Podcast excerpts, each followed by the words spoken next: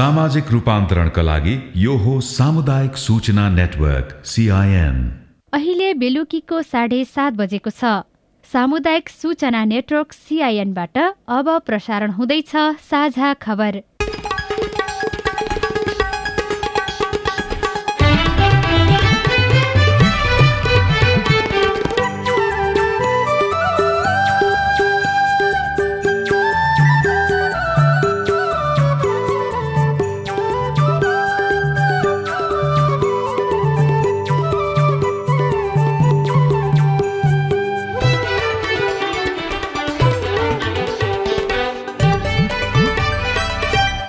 सिआइएनको साझा खबरबाट स्नेहा कर्णको नमस्कार। साझा खबर देशभरिका सामुदायिक रेडियो सिआइएन खबर डट कम सिआइएनको फेसबुक पेज र मोबाइल एप सिआइएनबाट पनि सुन्न सकिन्छ। निलम्बित प्रधान न्यायाधीश जवरालाई फुकुवाको पत्र दिएपछि बार एसोसिएसन आन्दोलनमा संसद सचिवालयको पत्र विरुद्ध रिट। सरकार भन्छ महाभियोग प्रस्ताव निष्क्रिय भएको छैन। महाभियोग सार्वभौम सम्पन्न संसदको सम्पत्ति हो र यसको छलफल अब आउने प्रतिनिधि सभामा छलफल भएर यसले एउटा निर्णयमा पुग्छ। दलहरूले समानुपातिकतर्फ पाएको अन्तिम सिट संख्या सार्वजनिक प्रतिनिधि सभामा काङ्ग्रेसको उनानब्बे सिट हुँदा एमालेको अठहत्तर पुग्यो। बत्तीस सिट जितेको माओवादी केन्द्र आफ्नै नेतृत्वमा सरकार बनाउने पहल गर्दै। अब यो व्यवस्थामा त सबैको प्राथमिकता प्रधानमन्त्री नै हुन्छ प्रधानमन्त्री पाउँदाखेरि चाहिँ तपाईँको पार्टीबाट प्रधानमन्त्री को त? होइन हाम्रोमा त एकदम स्पष्ट छ प्रचण्ड कमरेड। पोलियो भाइरस विरुद्धको खोपको क्लिनिकल परीक्षणका लागि सरकारद्वारा अनुमति धानको समर्थन मूल्य कार्यान्वयन गरी मलको सहज आपूर्ति गर्न किसानको माग महाकाली नदीमा बनाइरहेको तटबन्ध तत्काल रोक्न भारत सहमत। जो आवश्यकताभन्दा बढी संरचनाहरू अस्थायी संरचनाहरू बनाइएको छ त्यहाँ ग्याबिन वाल लागेको छ के के भएको छ होइन? ती संरचनाहरू पनि हटाउनुहोस्। र चीनमा कोरोना संक्रमित व्यक्ति अब क्वारेन्टाइनमा बस्न नपर्ने विश्वकप क्रिकेट लिग दुईमा नामिबियाद्वारा नेपाललाई दुई सय छत्तर रनको लक्ष्य।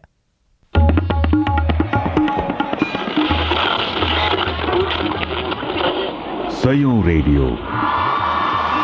हजारौं रेडियो र करोडौं नेपालीको माझमा यो हो सामुदायिक सूचना नेटवर्क सिआइएन तत्कालीन प्रधान न्यायाधीश चोलेन्द्र शमशेर जवरामाथिको महाभियोग फेरि गिजोलिएको छ। महाभियोग दर्ता गराएका सत्तारूढ दलहरूले लामो समयसम्म किनारा लगाउन चासो नदिँदा लम्बिएको यो प्रकरण आज संसद सचिवालयले महाभियोग निष्प्रभावी भएको पत्र दिएसँगै थप विवादित बनेको हो। प्रधान न्यायाधीशमाथि लगाइएको महाभियोग जस्तो संवेदनशील विषयमा दलहरू र संसद सचिवालयको आलो काँचो व्यवहार तत्काल सच्याई महाभियोगलाई किनारा लगाउनुपर्छ। अब खबर अविनाश आचार्यबाट।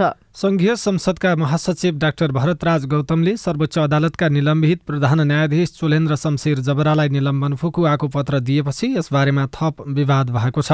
संसदका महासचिव डाक्टर गौतमले आज मात्रै जबरालाई निलम्बन फुकुवाको पत्र दिनुभएको थियो। निलम्बन फुकुवाको पत्र पाएसँगै सर्वोच्च जाने तयारीमा रहनुभएका जबरालाई रोक्न भन्दै नेपाल बार एसोसिएसनले सर्वोच्च अदालतको मूल गेटमा धरना दिएको थियो। बार एसोसिएसनले संघीय संसद सचिवालयका महासचिव डाक्टर गौतमलाई तत्काल कारवाही गर्न माग गरेको छ। बार अध्यक्ष गोपाल कृष्ण घिमिरे र महासचिव अञ्जिता खनालले संयुक्त विज्ञप्ति जारी गरेर महासचिव गौतमको पत्र कार्यान्वयन नगर्न पनि माग गर्नुभएको हो। प्रधान न्यायाधीश चोलेन्द्र शमशेर जबराको महाभियोग निष्प्रभावी बनाउने गरी संसद सचिवालयले पठाएको पत्रको विरोध गरेको बारका अध्यक्ष घिमिरेले सिआइएनलाई जानकारी दिनुभयो। सार्वभौम संसदको विषय बनिसकेकोमा अहिले चाहिँ सार्वभौम संसदलाई छलेर यत्रो ठुलो विषय जो राष्ट्रको प्रधान न्यायाधीशमाथि लागेको छ यो काहीँ न काहीँबाट कसैले षड्यन्त्र गरेर संसद बनि नसकेको अवस्थामा यो समय पारेर यस्तो चाहिँ गरिदिएको कारणले गर्दाखेरि चाहिँ नेपाल बार त्यहाँ गम्भीर ध्यान आकर्षण भएको हो। संसदको विषय बनिसकेपछि संसदको बैठकको निर्णयपछि उहाँ आउने वा नआउने संसदले नै तय गर्छ। अहिले संसदका एकजना सचिवालयका कर्मचारीले तपाईँको निलम्बन फुकुवा भयो भनेर लेख्ने अधिकार हुँदैन। यस्तै सरकारले पनि जबरा विरुद्ध दर्ता भएको महाभियोग प्रस्ताव निष्क्रिय नभएको बताएको छ। सरकारका प्रवक्ता समेत रहनुभएका सञ्चार तथा सूचना प्रविधि मन्त्री ज्ञानेन्द्र बहादुर कार्कीले जबरा विरुद्ध दर्ता भएको महाभियोग जीवित नै रहेको बताउनु भएको हो। मन्त्री परिषदका निर्णयहरू सार्वजनिक गर्न आयोजित पत्रकार सम्मेलनमा मन्त्री कार्कीले यसबारे अब आउने संसदमा पनि छलफल हुने बताउनुभयो प्रतिनिधि सभामा चोलेन्द्र शमशेर जबराको विरुद्ध महाभियोगमाथि छलफल भएर त्यो छलफलको प्रतिवेदन। अर्को अब गठित प्रतिनिधि सभामा छलफल हुने विषय त्यो जीवितै छ र यो महाभियोग सार्वभौम सम्पन्न संसदको सम्पत्ति हो र यसको छलफल अब आउने प्रतिनिधि सभामा छलफल भएर यसले एउटा निर्णयमा पुग्छ। आफूलाई कार काम कारवाही गर्न रोक नलगाउन माग गर्दै जबराले हिजो संसद सचिवालयमा निवेदन दिएपछि संसदका महासचिव डाक्टर गौतमले जबरालाई निलम्बन निष्प्रभावी भएको पत्र पठाउनु भएको थियो। निलम्बित प्रधान न्यायाधीश जबराको महाभियोग निष्प्रभावी गर्ने संघीय संसदका महासचिव गौतमको पत्र विरुद्ध सर्वोच्च अदालतमा रिट पेश भएको छ। सर्वोच्च अदालत बारले आज दिउँसो रिट पेश गरेको हो। रिटमा अब भोलि छलफल हुने सर्वोच्च अदालतले जनाएको छ। सर्वोच्च बारले संसदको पत्र संविधान र कानून विपरीत भएको जनाएको छ। यसबीच निलम्बित प्रधान न्यायाधीश जबरालाई सर्वोच्च अदालतमा प्रवेश रोक्नका लागि नेपाल बार एसोसिएसनले पर्सि पनि धरना दिने भएको छ। बारका अध्यक्ष गोपाल कृष्ण घिमिरेले भोलि भने सार्वजनिक विदाका कारण बारले धरनाको कार्यक्रम रोकेको बताउनुभयो। महाभियोग प्रस्ताव दर्ता भएपछि निलम्बनमा परेका प्रधान न्यायाधीश चोलेन्द्र शमशेर राणा विरुद्धको महाभियोग निष्प्रभावी भएको भन्दै संसद सचिवालयले दिएको पत्रमा सर्वोच्च अदालतले संसद सचिवालयलाई प्रश्न गरेर आज जवाफ मागेको छ। सर्वोच्चका सह रजिस्ट्रार नारायण प्रसाद रेग्मीले संसद सचिवालयले पठाएको पत्रबारे जानकारी माग्दै संसद सचिवालयलाई उक्त पत्र पठाउनु भएको हो। निर्वाचन आयोगले मङ्सिर चारको निर्वाचनमा समानुपातिक निर्वाचन प्रणालीबाट दलहरूले प्राप्त गरेको अन्तिम सिट सङ्ख्या सार्वजनिक गरेको छ। समानुपातिकतर्फको मतगणना सकिएसँगै आयोगले प्रतिनिधि सभा र प्रदेशसभामा दलहरूले प्राप्त गरेको सांसद सङ्ख्याबारे जानकारी गराएको हो। सङ्घ र प्रदेश सभा दुवैमा नेकपा एमाले ठूलो दल बनेको छ। एमाले सङ्घमा चौतिस सांसद र प्रदेशमा सत्तरी सांसद पाएको छ। काङ्ग्रेसले सङ्घमा बत्तीस र प्रदेशमा चौसठी सिट पाएको छ। त्यस्तै नेकपा माओवादी केन्द्रले सङ्घ सङ्घमा चौध र प्रदेशमा त्रिचालिस सांसद पाएको छ। त्यस्तै प्रदेशसभामा उम्मेद्वारी नदिएको राष्ट्रिय स्वतन्त्र पार्टीले सङ्घमा तेह्र सांसद पाएको छ। राप्रपाले सात र राप्रपाले सङ्घमा सात र प्रदेशमा चौबिस सांसद पाएको आयोगका प्रवक्ता गुरु वाग्लेले सिआइएनलाई जानकारी दिनुभयो। राजनीतिक दलहरूले प्राप्त गर्नुभएको मत सङ्ख्याको आधारमा के कति सिट प्राप्त गर्नुहुने हो त्योको बारेमा आज आयोगबाट निर्णय भएको छ। समानुपातिक निर्वाचन प्रणाली अन्तर्गत प्रतिनिधि सभा सदस्य निर्वाचनमा जम्मा सातवटा राजनीतिक दलहरूले समानुपातिक सिट सङ्ख्या प्राप्त गर्नुभएको छ। त्यसमा सातवटा राजनीतिक दलहरूमध्ये नेपाल कम्युनिस्ट पार्टी एकीकृत मार्क्सवादी लेनिनवादीले चौतिस सिट नेपाली काङ्ग्रेसले बत्तिस सिट एकल निर्वाचन चिन्ह गोलाकारभित्र हँसिया हथौडा लिएका राजनीतिक दलले चौध सिट राष्ट्रिय स्वतन्त्र पार्टीले तेह्र सिट राष्ट्रिय प्रजातन्त्र पार्टीले सात सिट जनता समाजवादी पार्टी नेपालले पाँच सिट र जनमत पार्टीले पाँच सिट प्राप्त गर्नुभएको छ। काङ्ग्रेसले प्रतिनिधि सभामा कुल उनानब्बे सिट ल्याएको छ भने एमाले अठहत्तर माओवादी केन्द्रले बत्तीस सिट जितेको छ। दार्चुलामा महाकालीको बहाव नेपालतर्फ धकेल्ने गरी भारतले निर्माण गरिरहेको पक्की संरचनाको काम तत्काल रोकिने भएको छ। आज नेपाल र भारतका सुरक्षा अधिकारीहरूको छलफलमा भारत आफ्नो अघिल्लो कदमबाट पछि हट्न सहमत भएको हो। सदरमुकाम खलङ्गाको बाङ्गा बगड क्षेत्रमा पेचिलो बन्दै गइरहेको तटबन्ध विवादलाई निकास दिन आज नेपाल भारत समन्वय समितिको बैठक भारतमै बसेको थियो। बैठकमा पनि भारतीय सुरक्षा अधिकारीहरूले सुरुमा भइरहेको कामलाई निरन्तरता दिन नेपाली सुरक्षा अधिकारीसँग आग्रह गरेका थिए। नेपाली सुरक्षा अधिकारीहरूले त्यहाँ विवाद रहेको र नेपाली भूमिमा प्रभाव पर्ने भन्दै काम रोक्नुपर्ने अडान लिएका थिए। त्यसपछि त्यो काम तत्काललाई रोक्ने सहमति भएको दार्चुलाका प्रमुख जिल्ला अधिकारी दीर्घराज उपाध्यायले सिआइएनलाई जानकारी दिनुभयो। भोलिदेखि दस दिनमा चाहिँ पहिलो काम भनेको जो भारत पारिपट्टि चाहिँ मेटेरियलहरू पनि थुप्रेर सबै पानी नेपालतिर भएको छ एक साइड भएको छ होइन नदीको। तपाईँहरू पहिलो काम चाहिँ त्यो डेब्रिज हटाएर नदी बिचमा पार्नेमा तपाईँहरू लाउनुहोस्। जो आवश्यकताभन्दा बढी संरचनाहरू अस्थायी संरचनाहरू बनाइएको छ त्यहाँ ग्याबिन वाल लागेको छ के के भएको छ होइन। ती संरचनाहरू पनि हटाउनुहोस्। त्यति भइसकेपछि खोलो बिचमा आइसकेपछि पछि त्यसको कामको प्रगतिको आधारमा हामी फेरि बसेर छलफल गरौँला फेरि काम कसरी अगाडि बढाउने त्यसपछि निर्णय गरौँला भनेका छौँ। अब महाकालीलाई पुरानै वहाबमा बगाउने गरी ती संरचना हटाइन लागेका हुन्। हिजो मात्रै सरकारले यस बारेमा भारतलाई कूटनीतिक पत्र लेखेको थियो। युरोपेली सङ्घ युले नेपाली विमानमाथि लगाएको उडान प्रतिबन्ध नौ वर्षसम्म पनि फुकुवा हुन सकेको छैन। नेपालले अन्तर्राष्ट्रिय नागरिक उड्डयन सङ्गठन आइकाओ मापदण्ड तथा प्रक्रिया पूरा नगरेको र उडान सुरक्षा पालना सम्बन्धी स्थापित मापदण्ड बाहिरको काम गरेको भन्दै युले नेपाललाई कालो सूचीमा राखेको थियो। आइकाओले नेपाललाई कालो सूचीबाट हटाइसके पनि युले भने नेपाली विमान युरोपेली भूमिमा उडाउन प्रतिबन्ध लगाइरहेको छ। प्रतिबन्ध हटाउन गत असोजमा युको अनुसन्धान टोली नेपाल आएर अध्ययन गरेको थियो तर हटाउने या नहटाउने भन्नेबारे अझै टुङ्गो लागेको छैन। सिआइएनसँग कुरा गर्दै नागरिक उड्डयन महाशाखाका प्रमुख बुद्धिसागर लामिछानेले अबको छ महिनाभित्र नेपाली हवाई युरोपमा उड्न सक्ने सम्भावना रहेको बताउनुभयो। अब चाहिँ खुल्ने लाइनमा गइरहेछन्। आइकाओले पनि अडिट गर्यो होइन? राम्रो छ नेपालको स्कोर। ग्लोबल एभरेज भन्दा धेरै माथि छ। युको टोली पनि आयो उनीहरू पनि सन्तुष्ट छन्। अनि अब फेरि चाहिँ अब मार्चतिर आउँछन् होला यो युको एउटा फेरि एसेसमेन्ट टिम आउँछ। त्यसपछि मेतिर चाहिँ यो सकिन्छ। अबको छ महिनाभित्रमा युरोपको आकाशमा नेपाली जहाजहरू पनि उड्न पाउने सम्भावना छ त्यसो भए। सम्भावना अब दुई हजार तेइसको चाहिँ अब आधा अवधिदेखि अब डेट अहिले नै भन्ने कुरो भएन होइन? जे अब चाहिँ नेपालको स्ट्राटेजी धेरै अगाडि बढिसक्यो। नेपाल वायु सेवा निगमले पनि आफूहरू युरोपेली गन्तव्यमा उडान गर्न तयार रहेको बताएको छ। साझा खबरमा अब विदेशको खबर। चीनमा कोरोना संक्रमित व्यक्तिलाई अबदेखि क्वारेन्टाइनमा बस्न नपर्ने भएको छ। लगातारको विरोध प्रदर्शनपछि चीन सरकारले कोरोना भाइरसको जोखिमलाई ध्यानमा राखेर लागू गरेको प्रतिबन्धलाई खोकुलो बनाउँदै कोरोना संक्रमित व्यक्ति अबदेखि घर वा अन्य कुनै आइसोलेसनमा बस्न नपर्ने बताएको हो। साथै अबदेखि कुनै पनि स्थानमा कोरोना नभएको रिपोर्ट पनि देखाउन नपर्ने भएको छ। तर विद्यालय र अस्पतालमा जाँदा भने अनिवार्य पिसिआर परीक्षण गरेको रिपोर्ट देखाउनु पर्नेछ। र बेलारुसले आफ्नो सेना युक्रेनी सीमा नजिक स्थापित गर्ने तयारी गरेको छ। रुसलाई युक्रेनमाथि आक्रमण गर्न सहज होस् भनेर बेलारुसले आफ्ना सेना र युद्धसँग सम्बन्धित सामग्री भोलिसम्म युक्रेनको सीमा नजिक सारिसक्ने बताएको अन्तर्राष्ट्रिय सञ्चार माध्यमहरूले लेखेका छन्।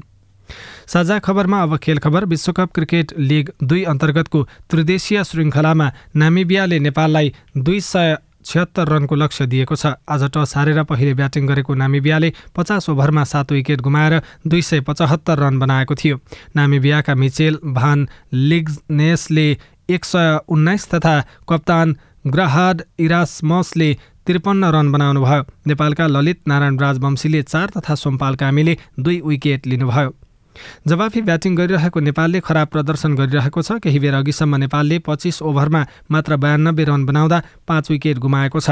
नेपालका ज्ञानेन्द्र मल्लले बिस अर्जुन साउदले उन्तिस रन बनाउनुभयो। असिफ शेख सात कुशल भुर्तेल तिन र गुलसन झा दुई रनमा अल आउट हुनुभयो। एक दिवसीय क्रिकेटमा बङ्गलादेशले दिएको दुई सय बहत्तर रनको लक्ष्य पछ्याएको भारत जितका लागि सङ्घर्ष गरिरहेको छ। केही बेर अघिसम्म भारतले चालिसौँ ओभरमा छ विकेट गुमाएर एक सय त्रियानब्बे रन बनाएको छ। भारतका श्रेयस अयरले पचासी र अक्षर पटेलले चौवन्न रन बनाउनुभयो। पहिले ब्याटिङ गरेको बङ्गलादेशले मेहदी हसन मिराजको नट आउट एक सय रन महदु महमुदुल्लाहको सतहत्तर रनको मद्दतमा सात विकेट गुमाएर एक सय एकहत्तर रन बनाएको थियो। अविनाश आचार्य।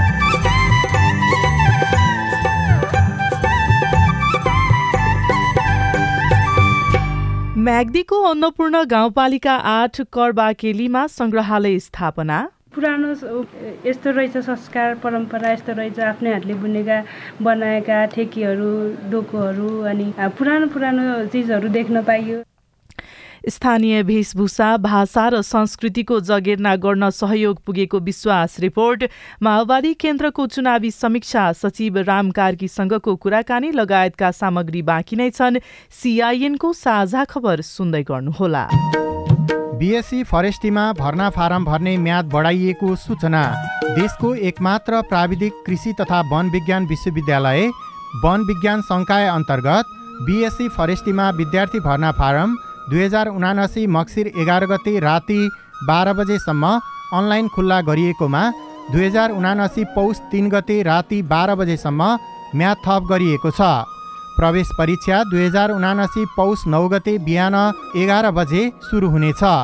थप जानकारीका लागि W W W dot entrance dot AFU dot EDU dot एनपीमा हेर्न सकिनेछ। सम्पर्क फोन नम्बर शून्य सन्ताउन्न पाँच तेइस दुई सय अडचालिस नेपाल टेलिकमको सूचनाको संसार। होइन के सुनेको यस्तो ध्यान दिएर दोहोरो बोलेको जस्तो नि देख्दिन। तिन दुई एक शून्य शून्य क्या? तिन दुई एक शून्य शून्य? के हो त्यो भने? बुझिन त। ल सुन एनटिसी प्रयोगकर्ताहरूले आफ्नो मोबाइल तथा ल्यान्डलाइनमा तिन दुई एक शून्य शून्य डायल गरी समाचार रेडियो कार्यक्रम खेल र अन्य विषयबारे सन्देशहरू जुनसुकै बेला निशुल्क सुन्न सक्छन्। ओहो निशुल्क? कस्तो सजिलो। समाचार सुन्न छुट्यो भनेर पिर लागेको थियो। अब त म पनि सुनिहाल्छु। कति रे? तिन दुई एक शून्य शून्य। सामाजिक रूपान्तरणका लागि यो हो सामुदायिक सूचना नेटवर्क सिआइएन तपाईँ सामुदायिक सूचना नेटवर्क सिआइएनले तयार पारेको साझा खबर सुन्दै हुनुहुन्छ। सरकारले पोलियो भाइरस खोपको क्लिनिकल ट्रायलका लागि अनुमति प्रदान गर्ने निर्णय गरेको छ। सिंहदरबारमा आज आयोजित नियमित पत्रकार सम्मेलनमा सरकारका प्रवक्ता समेत रहनुभएका संचार तथा सूचना प्रविधि मन्त्री कार्कीले हिजो बसेको मन्त्री परिषद बैठकको निर्णय सार्वजनिक गर्दै मङ्सिर चार गते सम्पन्न प्रतिनिधि र प्रदेशसभाको निर्वाचन सफलतापूर्वक सम्पन्न गराएकोमा आयोगलाई धन्यवाद पनि दिनुभयो। किसानहरूले धानको समर्थन मूल्यको कार्यान्वयन र मलको सहज आपूर्तिका लागि पहल गर्न सरकारसँग माग गरेका छन्। मन्त्री परिषदको गत कार्तिक सोह्र गते बसेको बैठकले यस वर्षका लागि धानको समर्थन मूल्य निर्धारण गर्ने निर्णय गरेको थियो। निर्धारित मूल्य अनुसार मोटो धानको मूल्य दुई हजार नौ सय बैसठी मध्यम धानको तीन हजार एक सय अठाइस रहेको छ। गत वर्षभन्दा मोटो धानमा प्रति क्विन्टल दुई सय पन्ध्र र मध्यम धानमा दुई सय छब्बिस रुपैयाँ वृद्धि गरेको भए पनि लागत मूल्य र मुद्रास्फीतिका आधारमा सरकारले निर्धारण गरेको मूल्यले पनि किसानलाई लाभ नपुग्ने किसानहरूले बताएका छन्। पाल्पामा बिहे भोज खाएपछि बिरामी परेका अधिकांश बिरामीमा आउँका किटाणु देखिएको छ। पाल्पाको मिसन अस्पतालमा उपचार गर्न गएकाहरूको दिशा जाँच गरेको रिपोर्टमा आउँका किटाणु देखिएको स्वास्थ्यकर्मी तथा चिकित्सकहरूले बताएका छन्। लुम्बिनी प्रादेशिक अस्पताल र बगनासकाली गाउँपालिकाका स्वास्थ्यकर्मीले आज अधिकांशको रिपोर्टमा आउँको किटाणु देखिएको बताएका हुन्। बुटबलमा अक्सिजन सुविधा सहितका दुईवटा स्वास्थ्य केन्द्र बन्ने भएका छन्। बुटबल उपमहानगरपालिका वडा नम्बर तेह्र र सत्रमा सोह्र सोह्र सैयाका अक्सिजन सुविधा सहितका स्वास्थ्य केन्द्र बनाउन थालिएको हो। एसियाली विकास ब्याङ्क मार्फत जापान सरकारको अनुदानमा प्रतिभवन एक करोड सन्ताउन्न लाख लागत लाग्ने र छदेखि आठ महिनाभित्र निर्माण सम्पन्न भएर हस्तान्तरण हुने बुटबल उपमहानगरपालिकाका जनस्वास्थ्य शाखा प्रमुख युवराज पाण्डेले बताउनु भएको रेडियो मुक्ति बुटवलले खबर पठाएको छ। नेपालमा एक सय तेइस जात जातिको बसोबास रहेको छ। यीमध्ये सबैको आआफ्नो भाषा संस्कार संस्कृति मात्रै होइन परम्परा र पहिचान पनि छ। यसको संरक्षण गरी भावी पुस्तालाई सिकाउन तथा अन्य समुदायका नागरिकलाई पनि जानकारी गराउने उद्देश्यले म्याग्दीको अन्नपूर्ण गाउँपालिका आठ करबाकेलीमा संग्रहालय स्थापना गरिएको छ। म्याग्दीको अन्नपूर्ण गाउँपालिका आठ कर्बाकेलीमा पुन समुदायको बाहुल्यता छ। यो समुदाय भाषा र वेशभूषामा धनी छ। उनीहरूको दैनिकी जीवन रीतिरिवाज संस्कृति र रहन सहनमा आधारित सामग्रीहरू सङ्कलन गरेर सङ्ग्रहालयमा राखिएको छ जहाँ परम्परागत पोसाक हात हतियार भाँडा गरगहना पुस्तक र धातुका सिक्काहरू अवलोकन गर्न सकिन्छ। स्थानीय पुनम फुन। पुरानोमा यस्तो रहेछ संस्कार परम्परा यस्तो रहेछ आफ्नै हातले बुनेका बनाएका ठेकीहरू डोकोहरू अनि पुरानो पुरानो चिजहरू देख्न पाइयो। कर्बाकेली बाबा संरक्षण समितिको अगुवाईमा कला संस्कृति जनजीवन र पहिचान झल्काउने सामग्रीहरूलाई लोप हुन नदिन तथा पर्यटन भित्राउने उद्देश्यले सङ्ग्रहालय स्थापना भएको हो। सङ्ग्रहालय स्थापनाको लागि अस्सी लाख रुपियाँ खर्च भएको छ। सरकारी निकाय आएको तेह्र लाख बाहेक बाँकी लगानी चन्दाबाट जुटाइएको हो। कर्बाकेली बाबा संरक्षण समितिका सचिव रवि पुन। हिजो हाम्रा पुर्खाहरूले प्रयोग गर्दै आएको र ती चिजहरूलाई संरक्षण सम्वर्धन गर्नुपर्छ। पुरानो चिजहरूलाई जोगाएर राख्यो भने हामीले इतिहास खोज्न चाहिँ सजिलो हुन्छ भन्ने एउटा मेन उद्देश्य नै हो। परम्परागत शैली र प्रविधिको प्रयोग गरेर निर्माण गरिएको तले भवनमा सामग्रीहरू सजावट गरेर राखिएको छ। ढुङ्गा माटो चुना सिमेन्ट बालुवा काठ प्रयोग गरेर भौगोलिकता झल्कने आकर्षक दुईतले भवन निर्माण गरिएको छ। संग्रहालय निर्माण अघि पुन समुदायको कर्बाकेली थान पूजा स्थल पदमार्ग सडक सामुदायिक लज र सभाहाल खेल मैदान लगायतका पूर्वाधार निर्माण भइसकेको छ।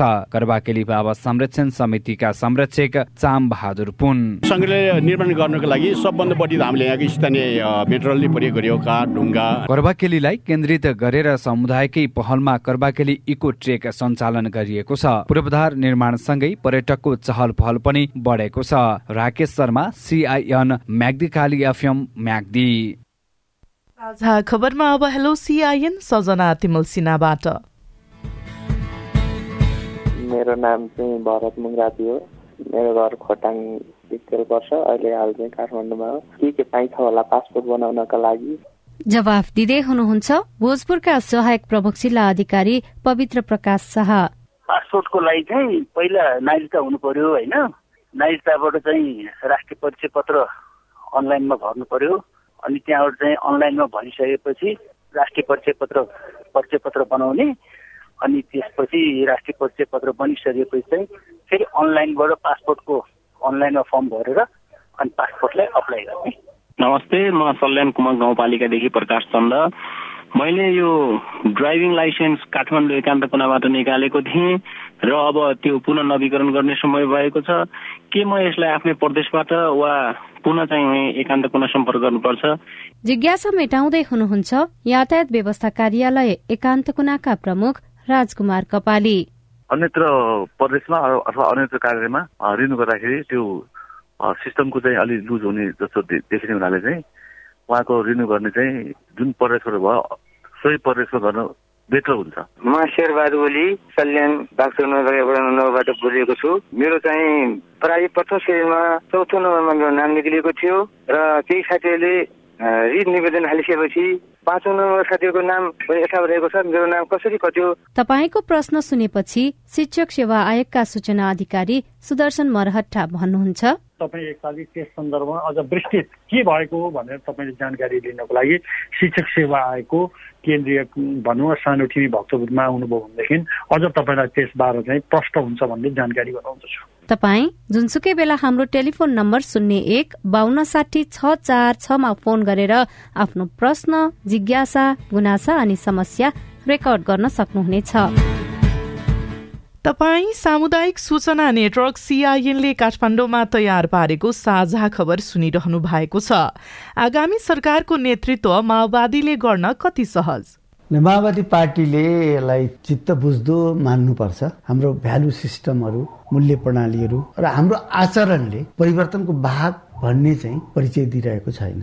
माओवादी केन्द्रको चुनावी समीक्षा अनि सरकार गठनमा खेल्ने भूमिकाका बारेमा सचिव राम कार्कीसँग गरिएको कुराकानी बाँकी नै छ। सिआइएनको साझा खबर सुन्दै गर्नुहोला।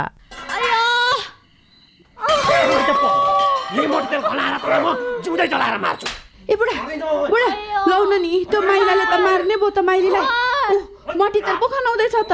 लाउन नि। झट्टै पुलिस बोलाइदिनु त। हो त पुलिसलाई खबर नगरी भएन। यसले त अति नै गर्न लाग्यो। एक शून्य शून्य। Hello police station? लौ न तपाईँहरू झट्टै यो जिल्ला अस्पताल लिएर आइदिनु पर्यो।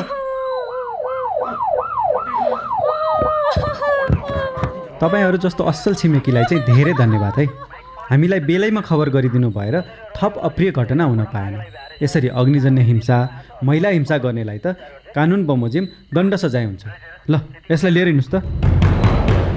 सावधान। पेट्रोल मट्टीतेल जस्ता ज्वलनशील पदार्थ लगायत तेजाब करेन्ट आदिले जलाई ज्यान मार्ने अङ्गभङ्ग गर्ने शारीरिक क्षति पुर्याउने जस्ता आपराधिक कार्य गर्नेलाई प्रचलित कानुन अनुसार कडाभन्दा कडा सजाय तथा जरिवानादेखि जन्म कैदसम्म हुने व्यवस्था छ। त्यस्ता कार्य नगरौँ नगराउँ। अग्निजन्य हिंसा भएमा उजुरी गर्न प्रहरीको नम्बर एक शून्य शून्यमा र अन्य आवश्यक सहयोगको लागि बिबिएस नेपालको फोन नम्बर शून्य एक चौन्न पचपन्न छ आठ नौमा सम्पर्क गर्नुहोला। अग्निजन्य हिंसा विरुद्धको अभियानमा एक्सन एड नेपाल र बिभिएस नेपालद्वारा जनहितमा जारी सन्देश। सामाजिक रूपान्तरणका लागि यो हो सामुदायिक सूचना नेटवर्क सिआइएन तपाईँ सामुदायिक सूचना नेटवर्क सिआइएनले काठमाडौँमा तयार पारेको साझा खबर सुन्दै हुनुहुन्छ।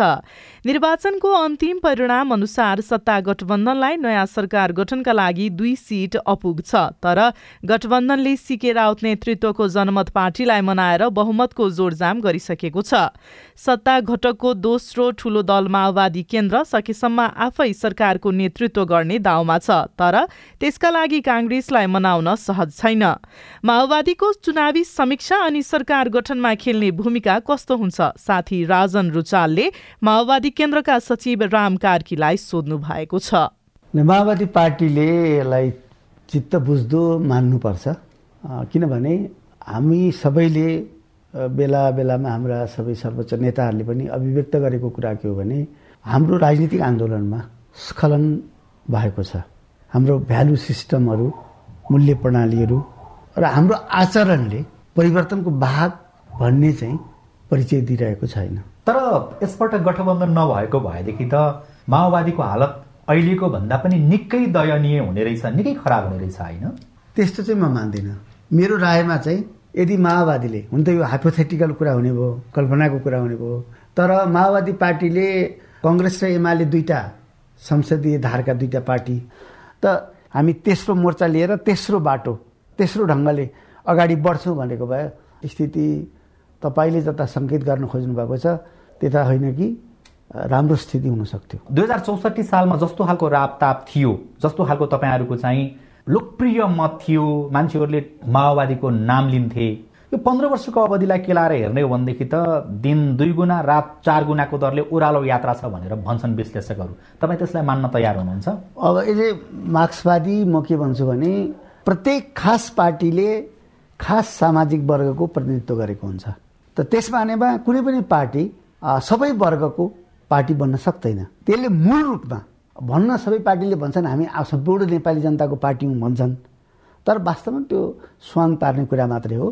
मूलत खास राजनीतिक पार्टीले खास सामाजिक वर्गको मात्रै प्रतिनिधित्व गरेको हुन्छ। माओवादी त विपन्न र मजदुर वर्गको पार्टी हो क्यारे होइन? त्यसैले चौसठी सालमा माओवादी पार्टीलाई त्यति बेला सहरका सम्भ्रान्त पढे लेखेका धनीमानी जान्ने सुन्ने कसैको पनि समर्थन थिएन। तिनका निम्ति माओवादी भनेको आउटसाइडर थियो। तर काठमाडौँमा भोट त आएको थियो सुन्नु न त्यति बेला के भयो भइदियो भने एकदमै नामै नसुनिएको कहिले पनि उसको चर्चा नहुने जो वर्ग छ नि यहाँका खोलाको किनारहरूमा बस्ने यहाँका चाहिँ साना साना कोठाहरूमा पाँच सातजना दसजना चाहिँ गुडुल्किएर बस्ने त्यस्ता सबैले बडो उत्साहका साथ चाहिँ नेपालका मजदुर किसान नेपालका दलित लोपोन्मुख जनजाति महिलाहरूको चाहिँ ठुलो समर्थन माओवादीलाई प्राप्त भयो। जुन एजेन्डाहरू हिजो हामीले उठाएका थियौँ नेपालको राजनीतिमा। जस्तो गणतन्त्रै भन्नुहोस् न यो गणतन्त्र सङ्घीयता समावेशी प्रजातन्त्र भन्ने चाहिँ नयाँ राजनीतिक जुन टर्मिनोलोजीहरू छ त्यो माओवादीले नै यहाँ ल्याएर इन्ट्रोड्युस गराएको तर हामीले गणतन्त्रलाई नेपालको सामाजिक जीवनको विभिन्न पहलुमा त्यसलाई इन्सर्ट गर्ने त्यहाँ एक्जिक्युट गर्ने त्यहाँ लागू गर्ने प्रयत्न गरेनौँ। गणतन्त्र शिक्षामा कस्तो हुन्छ?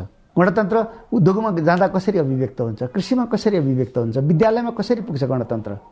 समुदायभित्र कसरी पुग्छ गणतन्त्र?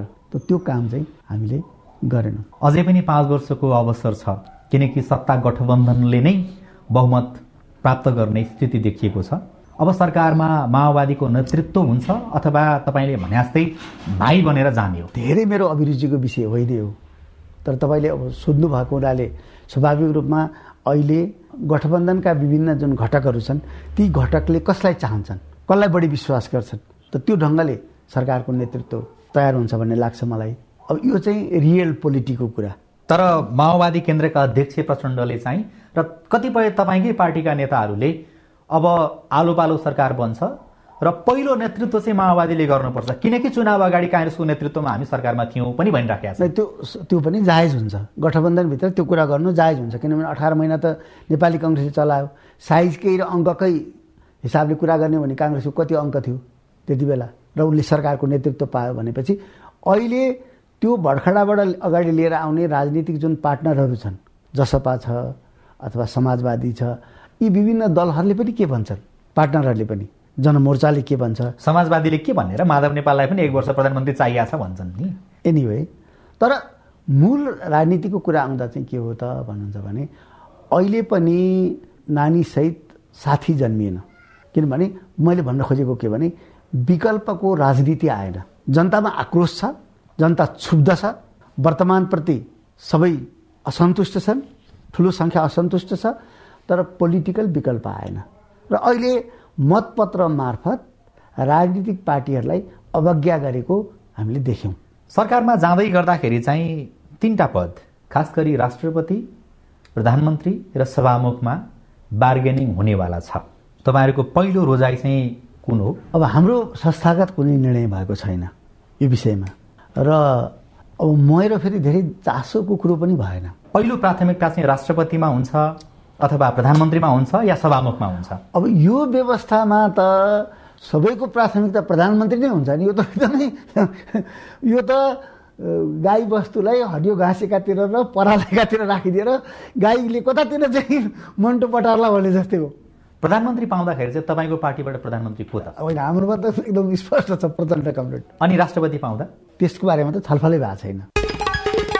निलम्बित प्रधान न्यायाधीश जबरालाई फुकुवाको पत्र दिएपछि बार एसोसिएसनले आन्दोलन सुरु गरेको छ। बत्तीस सिट जितेको माओवादी केन्द्रले आफ्नै नेतृत्वमा सरकार बनाउन पहल सुरु गरेको छ। पोलियो भाइरस विरुद्धको खोपको क्लिनिकल परीक्षणका लागि सरकारले अनुमति दिएको छ र महाकाली नदीमा बनाइरहेको तटबन्ध तत्काल रोक्न भारत सहमत भएको छ। हवस् त। आजलाई साझा खबरको समय सकियो। प्राविधिक साथी सुभाष पन्तलाई धन्यवाद। भोलि मङ्सिर बाइस गते बिहान छ बजेको साझा खबरमा फेरि भेटौँला। अहिलेलाई स्नेहा कर्ण पनि बिदा हुन्छु। नमस्कार शुभरात्री।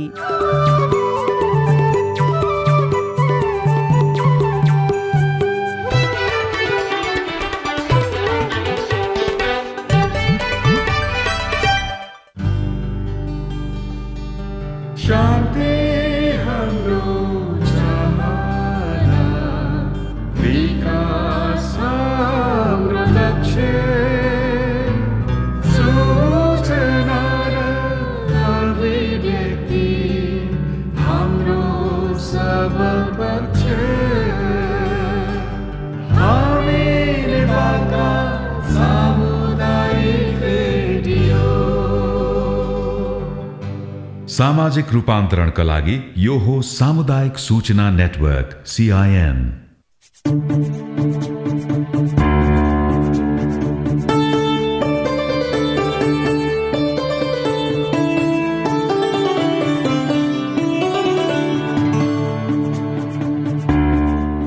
नमस्कार। रेडियो कार्यक्रम साझा पहलमा तपाईँलाई हार्दिक स्वागत छ। म सुशीला श्रेष्ठ। अनि म अविनाश आचार्य।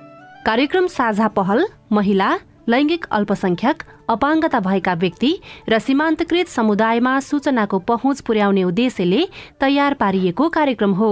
अहिले कोभिड उन्नाइस नियन्त्रणमा आएको जस्तो देखिएको छ तर यसले महिला तथा सीमान्तकृत वर्गमा आर्थिक सामाजिक तथा मानसिक रूपमा गहिरो प्रभाव छोडेर गएको छ।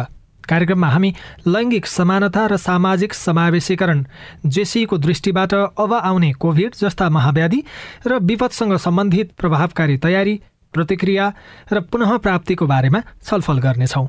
लैङ्गिक समानता र सामाजिक समावेशीकरण दृष्टिकोण भन्नाले हामी यस कार्यक्रममा महिला सीमान्तकृत